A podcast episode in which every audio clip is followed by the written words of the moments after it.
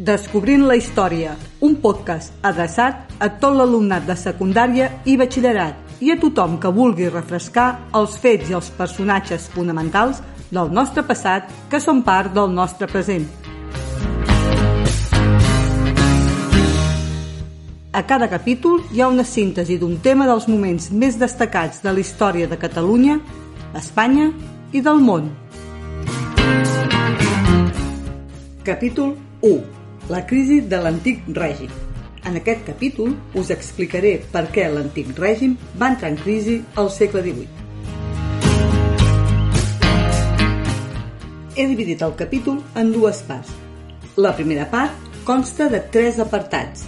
El primer, què és l'antic règim, o sigui, la seva definició.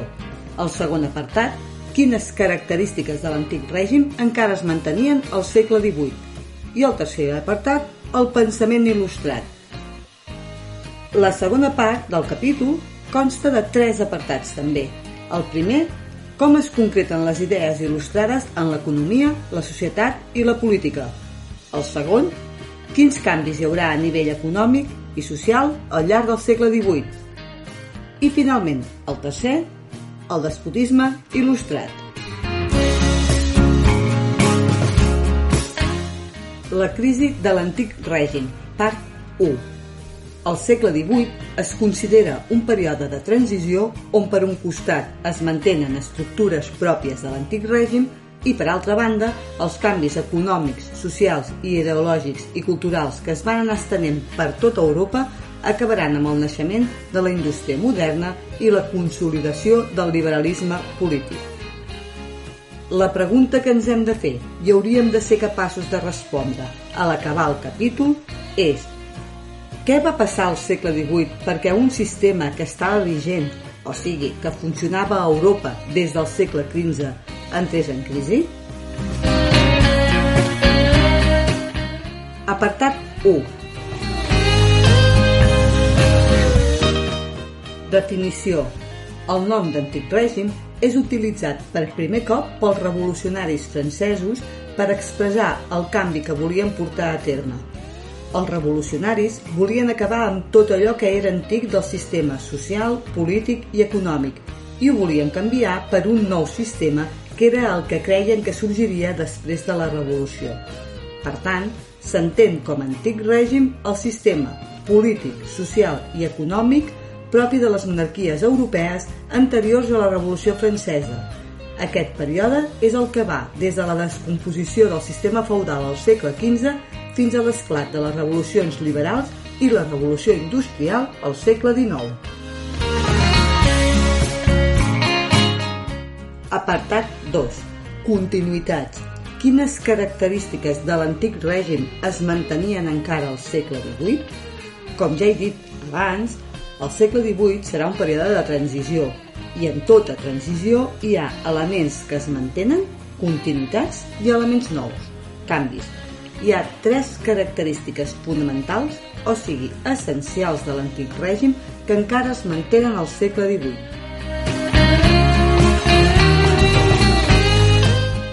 Economia. Un sistema econòmic, agrícola i senyorial, era una economia agrícola perquè estava basada en l'agricultura, la ramaderia i el treball artesà. Els rendiments, la quantitat de producte que es cull per un tros de terra conreada eren molt baixos. També era una agricultura molt poc desenvolupada tècnicament i expenses del clima. Qualsevol contratemps climàtic, ja fos pluja o sequera, implicava una pèrdua de la collita i, per tant, la fam. Estem parlant, doncs, d'una agricultura de subsistència. Això vol dir que la major part de la producció anava destinada a l'autoconsum, que pràcticament no hi havia excedent. També és una economia senyorial, perquè el camp encara estava vigent el règim senyorial. Aquest sistema era un sistema heretat del feudalisme, on el senyor vivia de les rendes, o sigui, d'allò que li donava la terra que posseïa, i també vivia dels impostos que el pagès havia de pagar. Les terres, en el sistema senyorial, eren vinculades, o sigui, que no es podien posar a la venda perquè anaven lligades o al títol nobiliari, o a l'església, o al municipi, les conegudes terres comunals, o a la corona. En definitiva, només podia ser propietari si eres de la noblesa, del clergat o eres el rei. El senyor, a més, tenia la facultat de dictar ordres i impartir justícia a les seves terres. En el sistema de règim senyorial, el pagès treballava les terres sota les ordres del senyor i, entre d'altres impostos, havia de pagar el delma, el 10% de la collita, a l'Església. En aquest sistema econòmic, els intercanvis comercials eren molt pocs, degut al poc excedent. L'excedent és el que resta per vendre un cop satisfetes les necessitats bàsiques. I a més, el sistema de transport era molt deficient. De totes maneres, al segle XVIII, el comerç, especialment el d'ultramar, aniria adquirint cada vegada més importància. Segona continuïtat, la societat. Es mantenia la societat estamental d'origen feudal. Aquest sistema dividia la societat en tres grans ordres o estaments. Un estament és un grup tancat on s'hi accedeix per naixement i a més és quasi impossible canviar d'un estament a l'altre. Hi havia tres estaments, el clergat, la noblesa i el poble o tercer estat. Aquest sistema tenia dues característiques fonamentals. La primera característica, l'immobilisme vertical. Era molt difícil canviar de grup. Només passava en algunes excepcions. La segona característica, el privilegi. Aquests tres estaments estaven dividits entre els privilegiats i els no privilegiats. Del primer grup en formaven part la noblesa i el clergat i tenien beneficis respecte als no privilegiats. Aquests beneficis eren no pagar impostos directes, posseir les terres de les quals rebien drets, dominar els càrrecs de l'administració i tenien lleis i tribunals propis. Aquesta última característica ja ens indica que la llei no era igual per tothom. Per altra banda, hi havia els no privilegiats, el tercer estat. Era qui es feia càrrec de les activitats productives, artesania i manufactures, agricultura i ramaderia, i per poder sobreviure ho havien de fer només amb els seus recursos i la força del treball. Dins d'aquest grup trobem a la burgesia, que començava a controlar l'economia i volia tenir més poder polític i prestigi social. A la pràctica, aquest sistema social implicava que cada home i cada dona pertanyia a un estament. Aquest era el que marcava quin lloc a la societat ocupava i els donava o els treia privilegis. Això vol dir que la societat de l'antic règim es basava en la desigualtat d'origen ja que era el naixement qui marcava si formaves part de la noblesa o del tercer estat. Tercera continuïtat. La política. Es mantenia la monarquia absoluta de dret diví. Aquest sistema es basava en la concentració de poders en mans del rei, o sigui, el poder legislatiu, executiu i judicials estaven en mans d'una única persona que era el rei. Aquest sistema tenia el suport de l'Església, que el justificava. El rei era la màxima autoritat per voluntat divina, o sigui, era el que Déu volia i, per tant, no se li podia portar la contrària. El rei només havia de donar explicacions a Déu.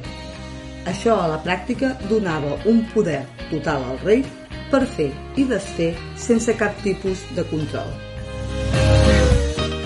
En resum, les continuïtats són en economia, una agricultura agrària i senyorial.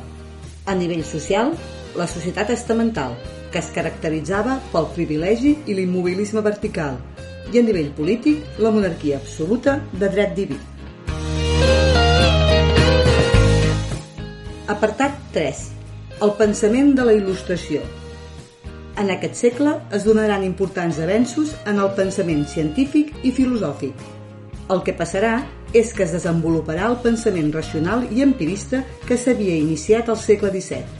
Això es concretarà amb el pensament desenvolupat per la il·lustració que es va poder divulgar molt millor degut al desenvolupament de la premsa. Aquest pensament il·lustrat té els següents elements essencials. 1. Confiança en la raó i el progrés com a element essencial per poder desenvolupar les societats. Rebutjaven el pensament supersticiós sense cap mena de base científica. 2. A nivell religiós, admetien l'existència de Déu, però eren partidaris de la llibertat religiosa. Això volia dir que acceptaven i toleraven altres creients que no fossin catòlics. 3. Es considerava l'home capaç de fer tot el que es proposés. En aquest sentit, és un moviment molt optimista.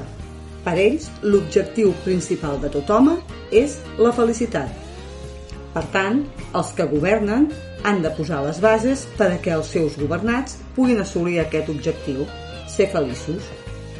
4. També defensaven que perquè el progrés fos possible s'havia d'elevar el nivell cultural, especialment de les classes altes. També creien que s'havia de treure el monopoli de l'ensenyament a l'Església, ja que l'Església, en molts casos, era contrària al desenvolupament de certs coneixements i de la ciència en general. El que volien era que aquest monopoli, o sigui que el control sobre l'educació, el tingués l'Estat. Un exemple d'aquest interès pel coneixement el trobem en el projecte iniciat per Diderot i d'Alembert, l'enciclopèdia. Diderot i d'Alembert el que volien era crear una obra que reunís tots els coneixements de l'època que estiguessin basats en la raó i l'experimentació. Per això va contactar amb diferents especialistes i els intel·lectuals més destacats de la il·lustració. La idea era concentrar tot el coneixement en una única obra i que aquesta fos un referent. El 1751 es va començar a publicar l'enciclopèdia. És una obra que acabarà tenint 35 volums. I fins aquí la primera part de la crisi de l'antic règim, on he definit què és l'antic règim? Us he explicat quines estructures de l'antic règim es van mantenir durant el segle XVIII i quin era el pensament de la il·lustració.